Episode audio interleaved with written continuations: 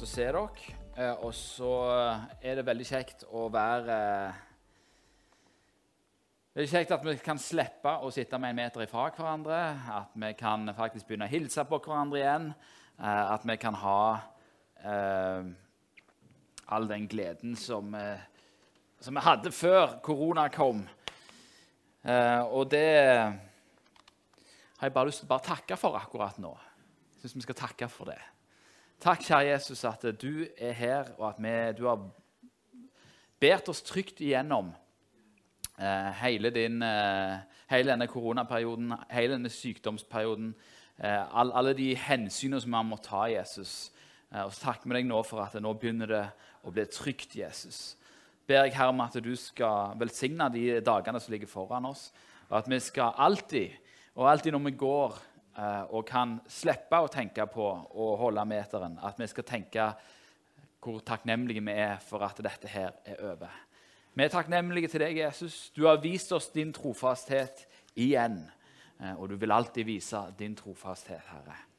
Takker deg for det. Amen. Amen. Ja eh, Vi har eh, Vi holder jo på eh, med å dykke inn i hva det vil si, hvordan det vil si å bli lik Jesus og ta hans, eh, eh, ta hans, eh, hans liv og hans eh, eh, måte, hvordan, hvordan kan vi bli som han er, det som er kalt til å bli likedannet med hans sønns bilde. Og I dag så skal jeg snakke om noe som berører veldig mange. Eh, det berører alle en eller annen gang i livet. Eh, flere ganger i livet. Og for noen så er dette hverdagen deres. Noen av dere som sitter her, opplever dette hele tida. Det er det som kalles for smerte. Og Jeg skal snakke i dag om smertens betydning. Og Smerte kan komme i mange former.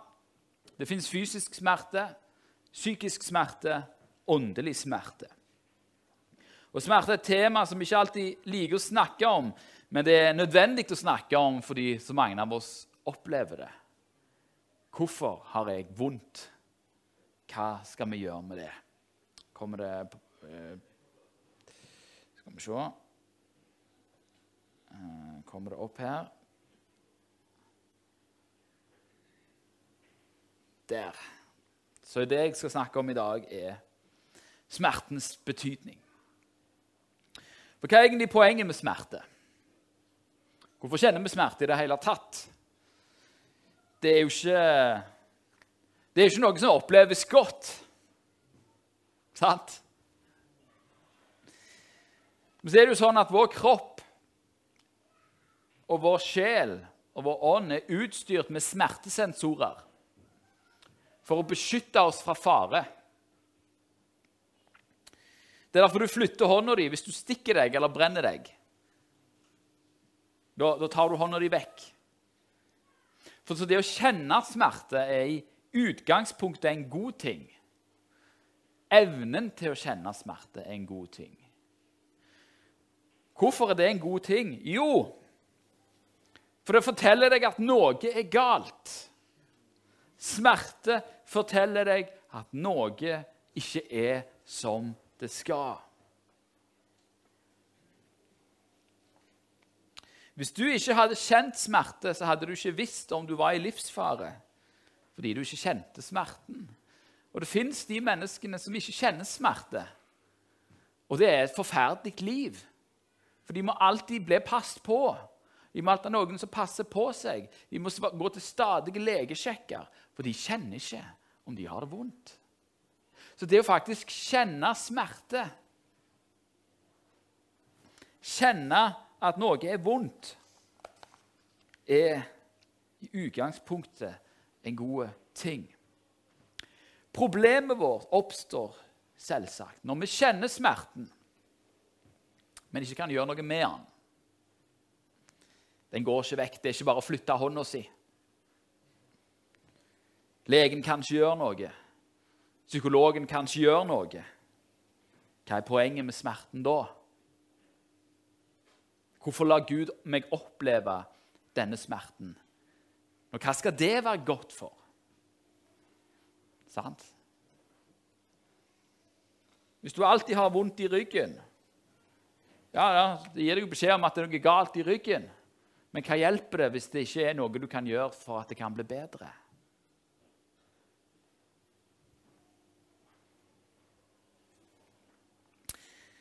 Noe som ofte legger stein til den byrden, er når vi åpner opp Bibelen, og så leser vi om helbredelser. Og nå skal jeg gjøre det. Jeg skal åpne opp Bibelen og skal jeg lese om helbredelser. Markus 16, 17-18 forteller at eh, disse tegner skal følge de som tror. I mitt navn skal de drive ut onde ånder. De skal tale med nye tungemål, de skal ta slanger i hendene. Og om de drikker dødelig gift, så skal det ikke skade dem. På syke skal de legge sine hender, og de skal bli helbreda. Wow! Heftig og fantastisk.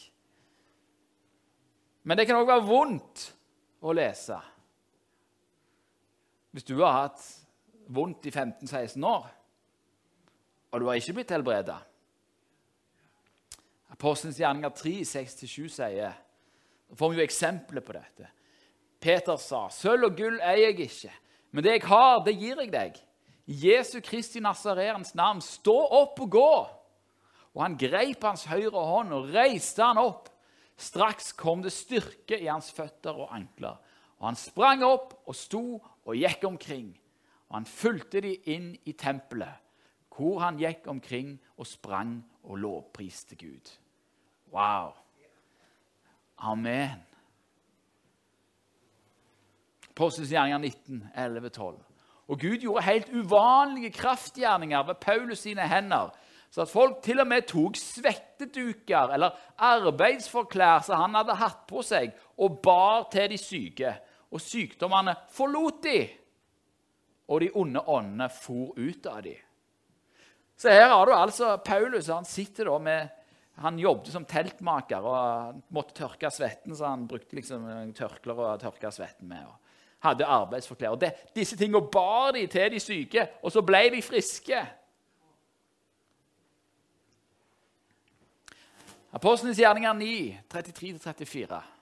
Der fant han dette Peter da, der fant han en mann som heter Eneas, som hadde ligget åtte år til sengs fordi han var lam. Han hadde blitt lam da. Og Peter sa til ham, 'Eneas, Jesus Kristus helbreder deg. Stå opp og re senga di.' Og straks så sto han opp. Dette er mirakler som Gud forteller om.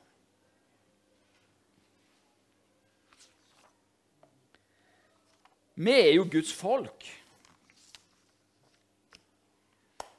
Vi taler i tungene. Hellige Ånd har kommet over oss. Vi tror på Jesus. Vi vet at han kan helbrede. Og du har nok kanskje òg bedt, du som sitter med smerte, Herre, ta denne smerten vekk. Og så har du ikke opplevd at det skjer. Hvorfor skjer det ikke? Når vi leser sånne bibelvers om hva som skal skje, og så samsvarer ikke det med vår opplevelse Da er det fristende å spørre har Gud virkelig kraft. Er Gud god? Eller noen spør fins Gud i det hele tatt.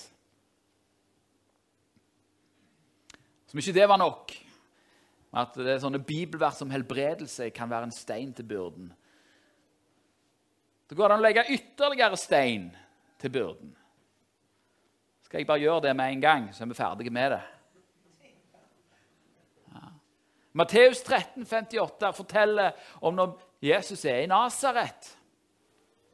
Så står det at han gjorde ikke mange kraftige gjerninger der. Han pleide å gjøre mange kraftige gjerninger, Jesus, men ikke så mange der på grunn av deres vantro. Markus 6, 5-6 sier samme historie. Og Han kunne ikke gjøre noen mektige gjerninger der, unntatt at han la hendene på noen få syke og helbreda dem. Og han undra seg over deres vantro. Apostelens gjerninger 14, 8-10, så sier, står det at i Lystra satt en mann som var lam i føttene. Han var vannfør fra fødselen av og hadde aldri kunnet gå. Denne mannen hørte Paulus tale. Paulus så nøye på han. Og da han så at han hadde tro til å bli helbreda, ropte han, 'Reis deg og stå på dine føtter.' Da sprang han opp og gikk omkring. Og så er det mange av oss som kan spørre oss er det derfor Gud ikke helbreder meg, fordi jeg ikke har tro. Sånne tanker kan lett gjøre seg gjeldende blant de av oss som har smerter. Spesielt hvis du har hatt det over lang tid. Hvordan skal man forstå sånne vers? Det Fins det en sammenheng mellom tro og helbredelse? Ja, det gjør det jo åpenbart. Det står jo ganske svart på hvitt. Du vet, Hvis du ikke tror at helbredelse kan finne sted, ja, så ber du jo heller ikke om helbredelse. Gjør du vel? Og hvis du ikke tror at Jesus kan helbrede deg, så ber du heller ikke. Da kommer du ikke til han med din smerte. Men så er det jo sånn at de fleste av oss som sitter her, vi tror jo at Jesus kan helbrede. Vi ber jo om at sykdommene må forsvinne i Jesu navn. Hvorfor skjer det da ikke? Hvorfor skjer det da ikke? Jeg skal lage en stein til til byrden. Jakob 5, 14-16. Er noen blant dere syk? La ham kalle til seg menighetens eldste. De skal be for ham og salve ham med olje i Herrens navn. Og troens bønn skal hjelpe den syke, og Herren skal reise han opp. Og har han gjort synder, skal han få de tilgitt. Bekjenn derfor deres synder for hverandre, og be for hverandre for at dere kan bli helbreda. Et rettferdig menneskes bønn har stor kraft og virkning. Og Her drar Jakob en sammenheng mellom sykdom og synd. Kan synd være årsak til sykdom? Ja, det kan det. Det finnes noen sykdommer som er stort sett er direkte forbundet med syndig livsstil. Kjønnssykdommer, f.eks. Det finnes sykdommer som kommer av at man ikke tar vare på kroppen sin. Man forvalter ikke det Gud har gitt en, på en god måte. Feil forhold til mat. Man spiser for mye, man spiser for lite. Man spiser feil. Psykisk smerte, psykiske lidelser, kan ha årsak i synd. Enten at du har gjort en synd, eller at synd har blitt gjort mot deg. Du vet, Hvis du har drept noen, og, har, eh, og du har skjult det, så kan det godt være at du kommer til å sitte inne med smerte resten av livet. Det, og, og du kan dra på deg sykdommer som følge av det. Stress, psykiske vansker, fysiske plager. Det kan komme av synd. Så bekjennelse av synd er viktig. Ikke bare hvis du har sykdommer, det er viktig uansett. Men det er òg noe som der, der, der sykdommer kan sitte. Så tenker du ja, dette var skikkelig oppmuntrende å høre, Thomas. Du sier altså at jeg er syk og kroppen full av smerter fordi jeg verken har tro eller har bekjent syndene mine, har sluppet djevelen inn i livet mitt. Takk skal du ha. Så tenker du meg sjøl vel, jeg både tror og jeg har bekjent syndene mine. Hvorfor er jeg fremdeles i denne smerten?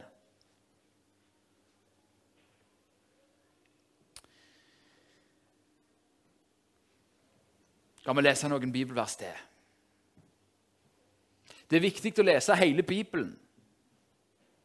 Summen av Guds ord er sannhet. Ok. Så skal vi lese noen bibelvers til. Filippabrevet 2, vers 26-27. Der skriver Paulus om eh, en fyr som heter Epafroditus. Eller Epafrodritas, tror jeg. Epafrodita Ja. Les i Filipperbrevet 2 sjøl.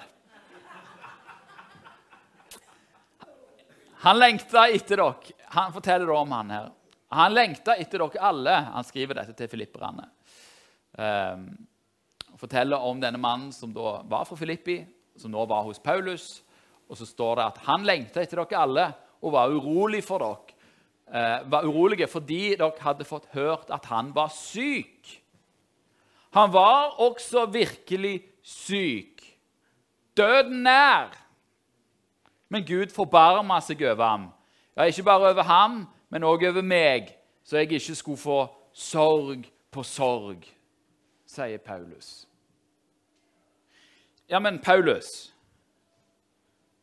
Paulus Har du ikke lest det som står i Markus? De skal legge sine hender på de syke, og de skal bli helbreda.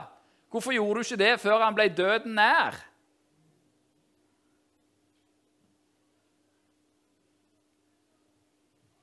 Første Timoteus 5, 23.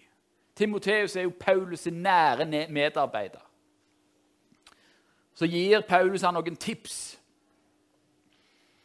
som eh, gjør at det går kaldt ned ved ryggen på alle som er avholdsfolk på Jæren.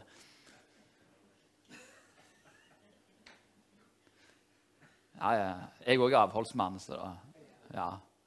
Drikk ikke lenger bare vann, men bruk litt vin for din mage og for de sykdommene som du så ofte lider av. Ja, men Timoteus, har du ikke lest Markus?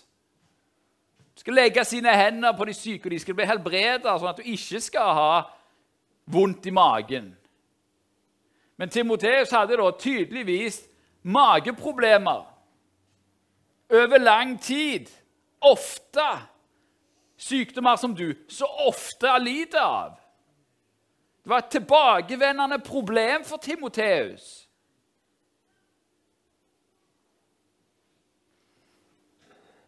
Andre Timoteus 4,20. Erastus ble igjen i Korint.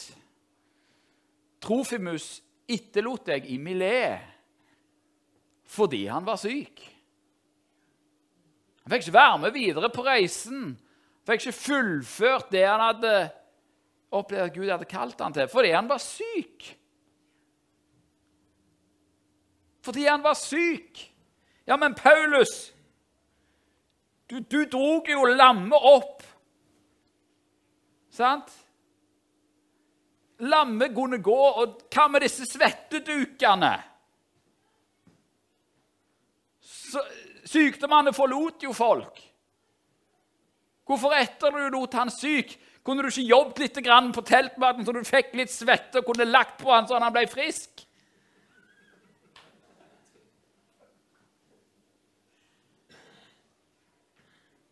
Har du glemt det?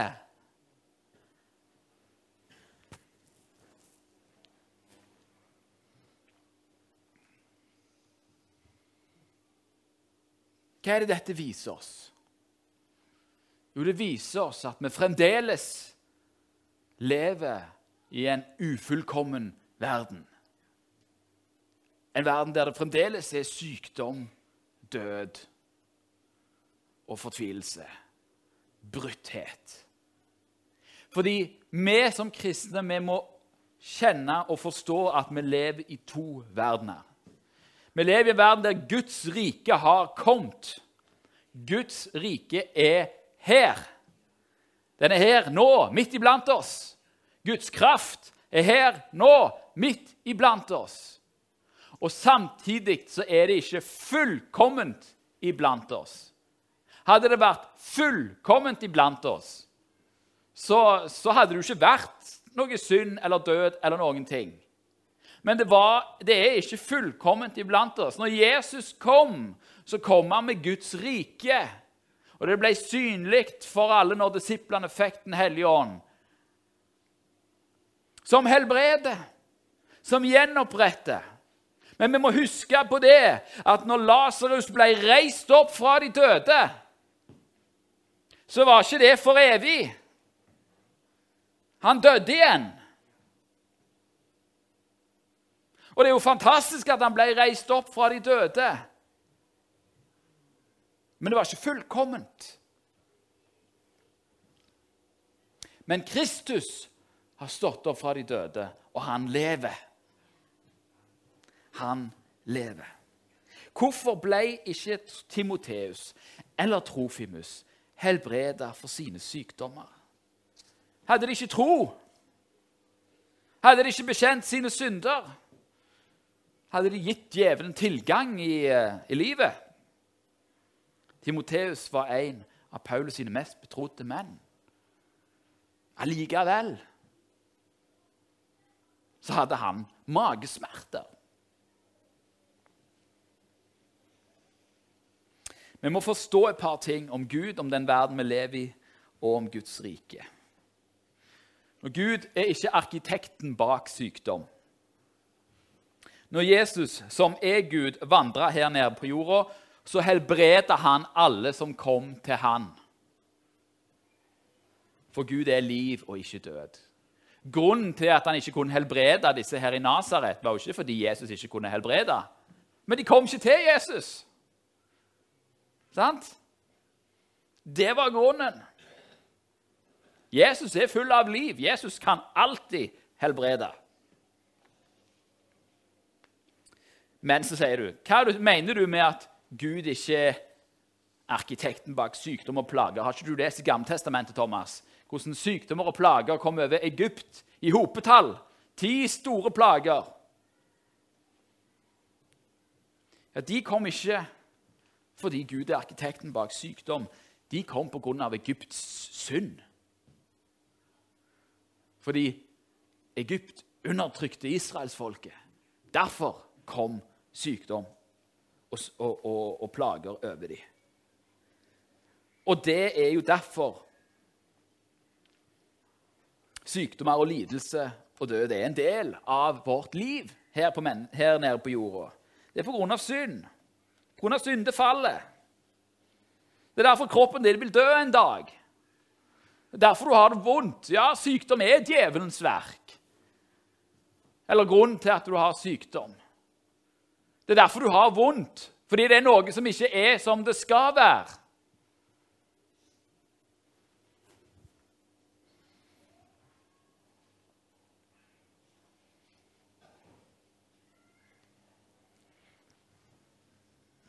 Vi må forstå at når Jesus kom til jorda, så etablerte han Guds rike her. Guds rike har kommet nær.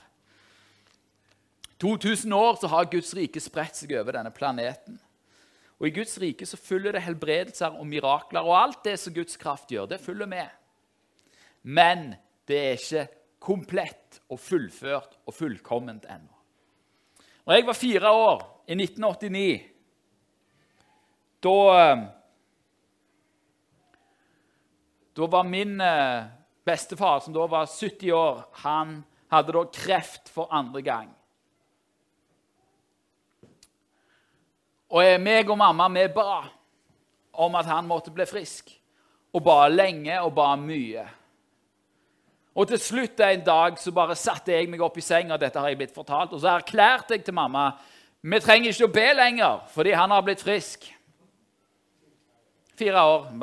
Han har blitt frisk. Du vet, Troen til barn, den er sånn. Han har blitt frisk. Han ble frisk. Han hadde aldri kreft igjen. Hvorfor det? Jo, fordi Guds rike er her, i kraft, og fordi Jesus kan helbrede. Kreften forsvant. Men 13 år seinere, i 2002 Alder av 80, ja, Rett før hans 83-årsdag så han hadde hatt kreft to ganger. Han ble gammel. Han måtte på hjemmet. Så døde han i 2002. Og når jeg snakker om det, Selv om det er 20 år siden, så kjenner jeg at å, jeg savner han. Fordi det er det døden er. Det er separasjon. Og jeg vil ikke være separert fra min bestefar. Han var en fantastisk mann. Ja, jeg kjenner liksom Ja, jeg kjenner sorgen nå når jeg snakker om det. Og det er jo fordi at Guds rike har jo kommet med kraft. Men Guds rike har ikke fullkomment kommet ennå. Og Det er derfor det fremdeles er smerte, sykdom og død her. Det er derfor at Jesus ba oss om å be når, han, når vi skulle be Fader vår. sant? La ditt rike komme. Men Guds rike var jo allerede her. Det hadde jo allerede kommet. Ja. Ja, det har kommet. Glimtvis, stykkevis og delt. Men en gang skal jeg fullt ut se, sier Paulus. En gang skal Guds rike komme for fullt. Og det er det vi ber om i bønnen. La ditt rike komme fullt og helt. Sånn at det ikke er sykdom, smerte og død lenger. Alt det der er bra, Thomas. Veldig flott. Men jeg har fremdeles ikke fått svar på smertens betydning. Hva poeng er det i dette? Jeg ber om at Guds rike skal komme, men jeg har fremdeles ikke fått svar på hvorfor jeg har det vondt nå. Hva godt skal det tjene til? Og Da kommer vi igjen til Paulus.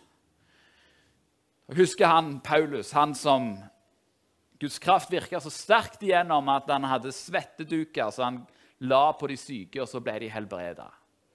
Den Paulus, den samme mannen.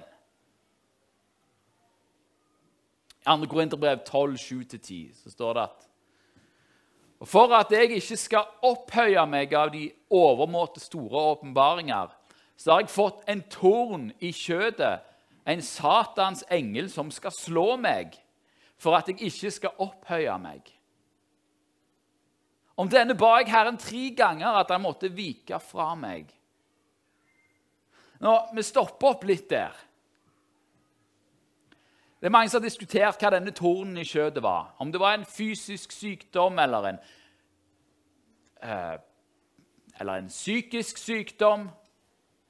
Eller om det kanskje bare var en, at han ble åndelig plaga av en faktisk demon. Uansett hva det var, så er det ubehagelig. Uansett hva det var, så var det smertefullt. Uansett hva det var, så var det et tegn på noe som ikke var som det skulle. Og allikevel så lar Gud dette skje med Paulus. Hvorfor? Altså, det, det er ikke en Guds engel som slår han, det er en Satans engel som slår han. Djevelen får lov til å slå Paulus Hvorfor da? Hvorfor Jesus? Hvorfor Jesus skal djevelen få lov til å slå meg med sykdom, skal få lov til å herje med ryggen? Hvorfor skal vonde tanker og psykiske problemer og alt dette her komme over meg? Hvorfor? Så sier Og han ber jo Herren tre ganger.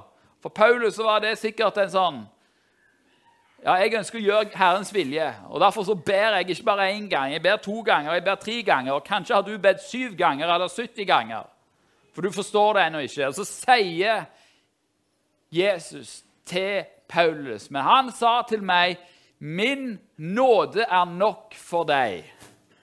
Hvorfor er min nåde nok for deg? Jo, for min kraft fullendes i skrøpelighet. Og Så sier Paulus derfor vil jeg helst rose meg av min skrøpelighet, for at Kristi kraft kan bo i meg. Derfor er jeg vel tilfreds i skrøpelighet. Under mishandling, i nød, i forfølgelser og trengsler for Kristi skyld. For når jeg er skrøpelig, da er jeg sterk.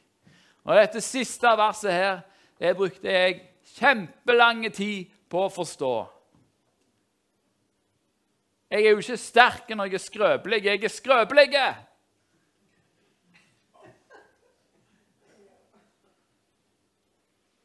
Hvordan kan jeg være sterk når jeg er skrøpelig? Når jeg er svak?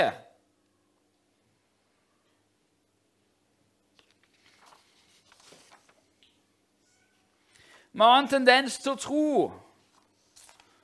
at Guds rike blir synlig i vår styrke. Kanskje spesielt oss i våre sånne pinsekarismatiske settinger. Vi ser opp til den der store taleren som er så superflink å tale. En som er supergod og supersuksess og super, super, super.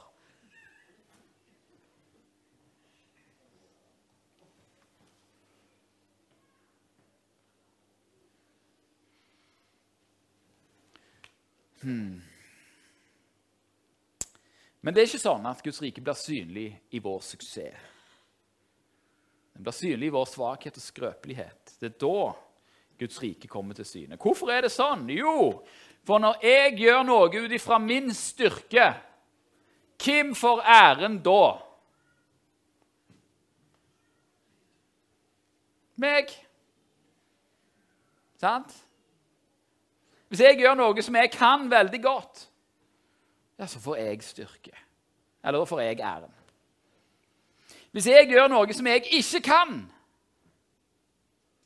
eller gjør noe som ja, jeg ikke får til, eller på tross av det jeg har fått til, hvem får æren da?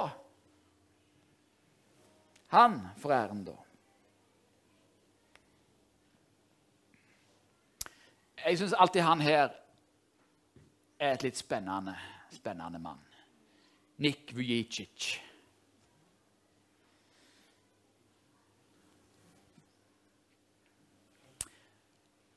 Han er født i 1982, tre år eldre enn meg. Født uten armer og bein.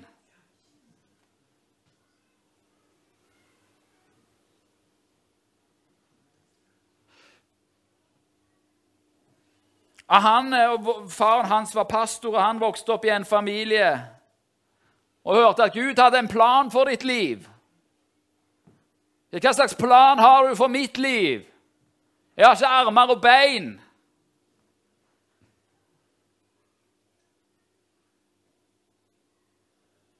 Jeg tror du må gå over til plan B, sa Nick. Og Ikke bare hadde han ikke armer og bein, han ble også mobba. Ble kalt freak og misfoster. Han var ti år gammel. Så prøvde han å ta sitt eget liv. Det er smerte over å være annerledes. Over ikke kunne gjøre det alle andre kunne gjøre. Som han sa Jeg kan aldri holde en kjærestes hånd. Jeg kan aldri lufte mine barn. Og han, kunne, og han ba til Gud. Herre, gi meg Du kan gjøre alt. Hvorfor gir du meg ikke armer og bein? Jeg vil ha armer og bein. Selvfølgelig vil han det. Og Den dag i dag sier han at jeg har et par sko stående i skapet bare sånn i tilfelle.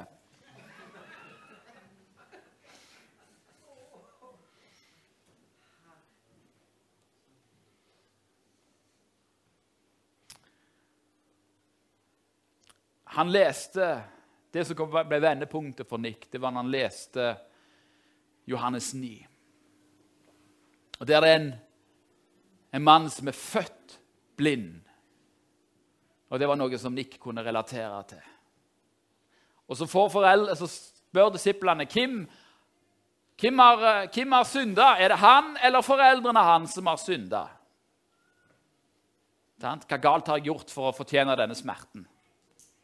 Og Så sier Jesus ingen, ingen av delene. Verken han eller foreldrene hans har synda. Men det er skjedd for at Guds gjerninger skulle åpenbares på ham. Gjennom ham. I smerten så blir Gud stor. Den mannen som Jesus snakket om, ble helbreda. Han fikk synet igjen. Hva er det Nick gjør? Jo, han har brukt hodet sitt, det som han har. Og så reiser han rundt og så forkynner han evangeliet om Jesus. Og så snakker han om at uh, Han snakker om smerte. Han snakker om menneskers smerte som man opplever. Og at han har også opplevd sin del av smerte og tilkortkommenhet. Og alle kan jo se det. Man har ikke armer og bein. Så sier han, 'Jeg er Guds hender og føtter på jorda.' Og jeg har ikke engang hender og føtter. Det er det Gud kan gjøre. Nick har reist rundt i hele verden for å forkynne evangeliet. Skrivende stund så har han ledet én million mennesker til Jesus Kristus. Som han sier, det betyr ikke noe om jeg har armer eller bein. Det skal jeg få en gang.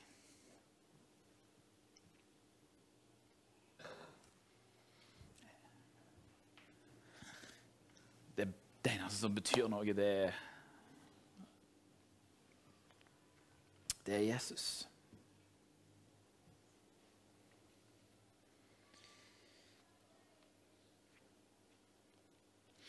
Du vet, alle vitnesbyrd som du noen gang har hørt vitnesbyrd om der folk forteller om et eller annet som Gud har gjort. De begynner i svakhet eller skrøpelighet. På en eller annen måte. Jo, hva er det de begynner med? Det begynner med at jeg hadde vondt. Det begynner med at livet mitt var mørkt. Det begynner med at jeg hadde ikke penger nok. Det begynner med at jeg hadde ikke det som skulle til. Men så kom Gud. Men så kom Gud. Men så kom Gud. Men så kom Gud. Om du vil at Gud skal gjøre noe i livet ditt,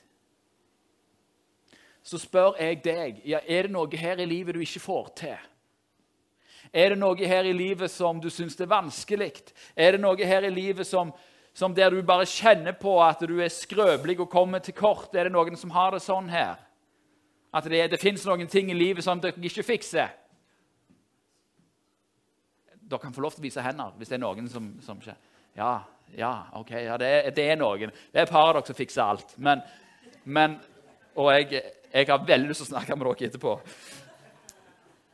Men ok, mesteparten av dere har det litt sånn som meg. da. Det fins ting man ikke fikser, ikke takler. Og det er der Gud kan gjøre noe. Og når Gud gjør noe der, så får han ære. Så får han æren.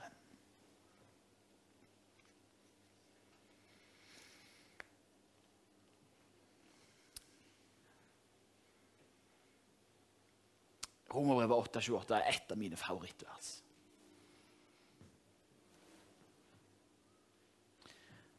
Står, der står det at vi vet at alle ting samvirker til det gode for den som elsker Gud, de som etter hans råd er kalt.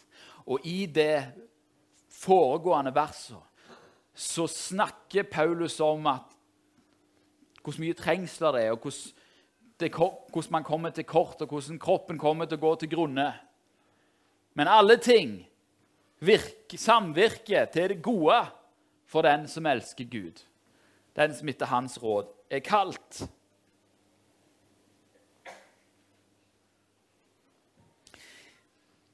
Hvorfor lar Gud oss gå igjennom smerte?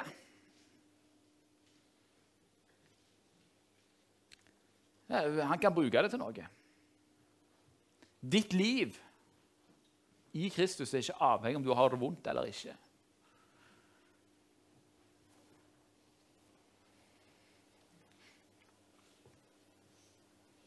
I våre spørsmål om hvorfor Gud la oss gå gjennom en sånn smerte, så er det fort gjort å glemme hvordan Gud frelste verden. Hvordan frelste Gud verden? Sånn. Med smerte. På et kors. Dette som er den totale ydmykelse, snudde Gud til den ultimate seier. Din smerte kan Gud snu til seier. På sin måte. Vet dere hva dette her egentlig betydde på Jesu tid? Det var selve symbolet på hva som skjedde. Det var, det var, dette var selve symbolet på Romas makt. På hva som skjedde hvis du vågte å sette deg opp mot det romerske imperiet. Da var det dette som venta deg. Det der. Pinefull død på et kors. Det var det som venta deg. Og det som var selve symbolet på den romerske undertrykkende totalitære makten, det snudde Gud. Det snudde Gud til å bety, bety hva? Altså, Dette var det verste romerne kunne gjøre mot deg. Dette var deres største brutale makt. Og på det verste som romerne kunne gjøre mot Jesus, så triumferte Jesus. Fordi ja, et sånt kors kunne ikke stoppe han. Et kors kan ikke stoppe Jesus. Kors kan ikke stoppe Gud. Det mest ydmykende, det mest forferdelige Det mest ydmykende som romerne kunne utsette Jesus for. Det snudde Jesus. Det ble hans trone. Det er grunnen til at vi går med kors rundt halsen. Smykketing. Vi har et kors her på veggen. Vi har det symbolet på romers undertrykkende makt på veggen. Hvorfor det? Fordi at med det så seirer Jesus. Jesus, han som hang på korset i den ultimate smerten. Han snudde opp ned på alt. Når Gud han lot Jesus gå gjennom denne smerten så at han, I Jesaja står at han var vel kjent med sykdom. Når Hvis Gud lar Jesus gå gjennom sånn en smerte, og vi skal være lik Jesus, likedanna Jesus, skal vi da få slippe? Hvis, hvis, du er et Guds barn, tror du, da, tror du da at du går fri? Gud handler med dere som er sønner, sier hebreerbrevet. Har Gud sendt smerten og sykdommen? Nei. Hvorfor lar han det skje, da?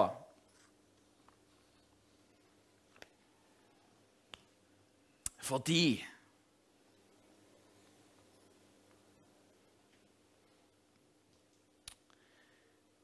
Fordi han kan gjøre noe gjennom han. Fordi Guds allmakt er ikke begrensa av vår smerte.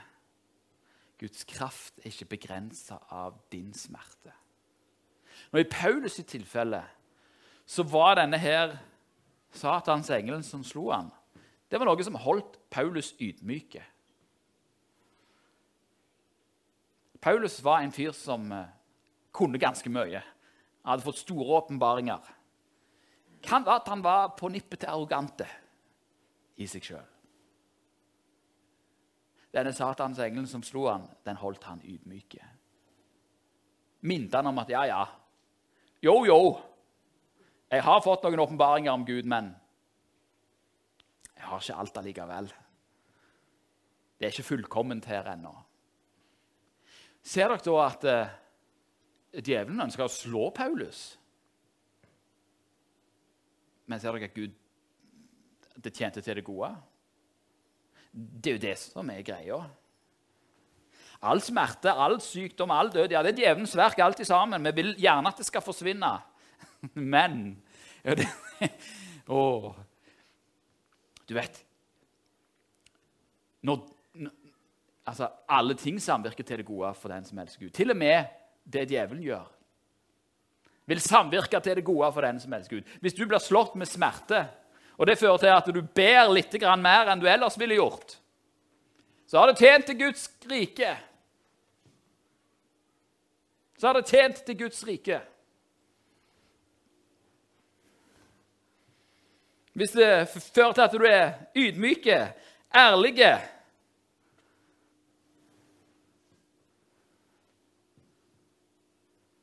Du vet, når du møter, Hvis du har hatt vondt i ryggen i 20 år, og du møter en som har hatt vondt i ryggen i 20 år, han sier jeg kan ikke tro på Gud, jeg, har hatt vondt i ryggen i 20 år, hvorfor kan det være så mye vondt i verden? Så kan du si jeg har hatt vondt i ryggen i 20 år, og jeg tror på Jesus. Han har frelst meg. Så kan Gud bruke det.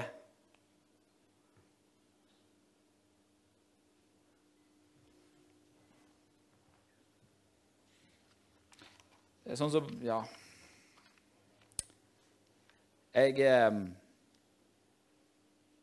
jeg, ikke, jeg, vet ikke din smerte, og jeg vet ikke hva Gud vil gjøre.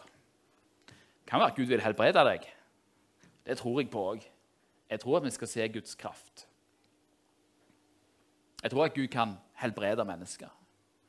Hvis han ikke gjør det, så har han en annen plan med å bruke det til sin ære. Så må du bare legge det i Guds hender og si, 'Herre, jeg, jeg forstår ikke.' Hvordan min smerte kan være til din ære. Jeg forstår ikke, men jeg tror at du kan vise meg det. Jeg, eh,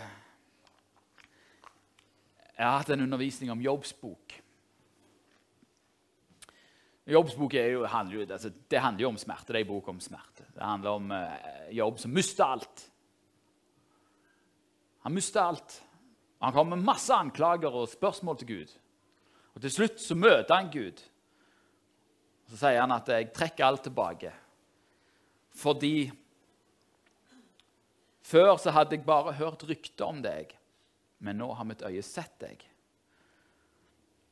I denne reise for jobb Jobb var en rettferdig mann. Han var uklanderlig.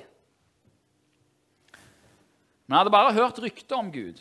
Men etter å ha gått gjennom denne smerten som han hadde gikk gjennom, med at han mista hele familien, alt han eide, og ble syk så det holdt etter en fæl hudsykdom.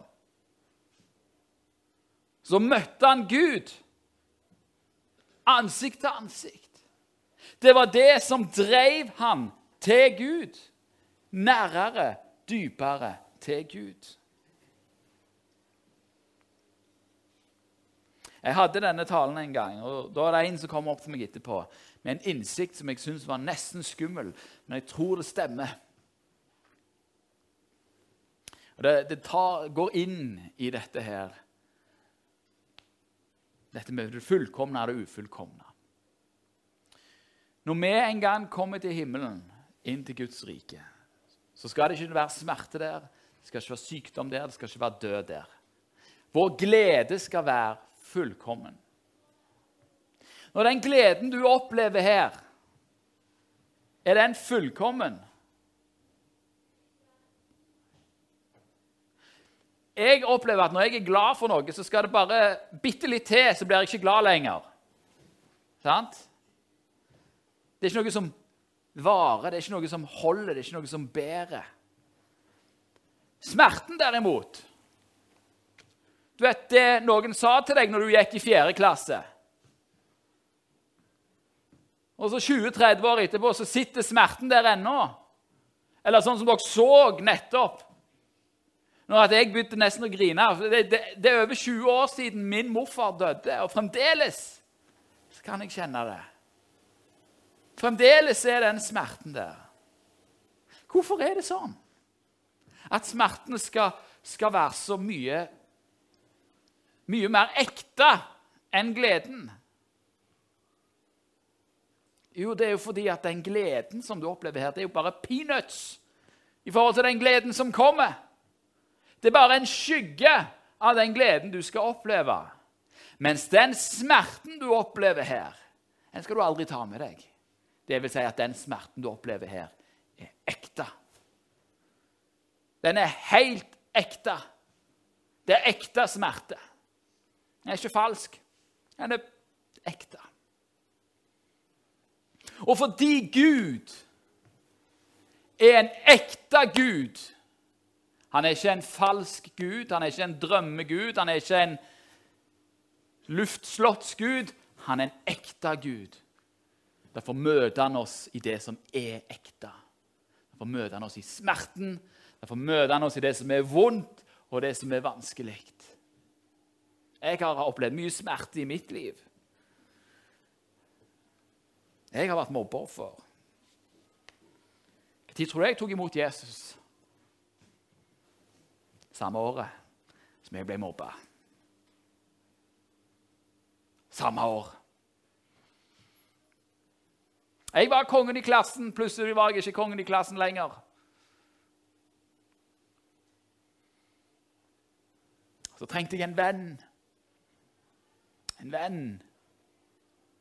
Jeg hadde en venn, og han var jo da kristen i tillegg. Og Jeg er oppvokst i en kristen familie. Men jeg trengte en venn. Jeg trengte en som kunne være med meg i alt jeg gikk gjennom. I min smerte. Og så fant jeg en. Så fant jeg en. Fordi Gud han møter oss i smerten. Han møter oss der. Han stikker ikke av som Skybert i Albert, Albert Aaberg sine fortellinger. Skybert er der med Albert Aaberg helt til det kommer noen som slår han. Da forsvinner Skybert. Men Jesus er en ekte venn. Han forsvinner ikke. Dette er det vi kan ta med oss. Jeg vet ikke hva som er Guds hensikt med din smerte. Kanskje vet ikke du det heller. Men jeg vet at Gud har en hensikt. Enten til å gjøre et mirakel her og nå, så vi kan få se Guds kraft levende her og nå og gjøre deg frisk. Kanskje til og med her og nå. Eller så har han en annen plan. Men hva er en plan han har? Så har Gud en plan, og Gud kan bruke det. Og du kan be om den innsikten. Skal vi be sammen? Kjære Jesus, jeg takker deg, Herre, fordi at uh, ingenting er bortkasta av det vi går igjennom, så lenge vi har deg i livet. Ingen smerte er bortkasta når vi har deg i livet, du som kan gjøre så mye godt med vår smerte. Kjære Jesus, et liv uten deg er bortkasta, uansett hvor mye penger vi tjener eller suksess vi har. Men i deg og med deg så er ingenting av alt det vi opplever, bortkasta. Vi har en plass å komme til med vår smerte. For du vet hva det vil si å ha smerte, fordi du frelste verden gjennom smerte. Og Så ser du her den smerten som noen av oss må lide her. Vi ber her om at ditt rike kommer og fjerner all smerte. Og inntil den dagen, inntil den dagen, så vil vi holde fast på deg. Så vil vi holde fast på deg og din kraft. Både din kraft til å helbrede og din kraft til å snu selv vår smerte til noe godt. Jeg vet ikke hvordan det skal skje, men du vet. Fordi det er noe du gjør hele tida. Kjære Jesus, kom og vær med oss. La oss se, Herre, ditt potensial i vår svakhet og skrøpelighet. Det er en plass som kan være til din ære.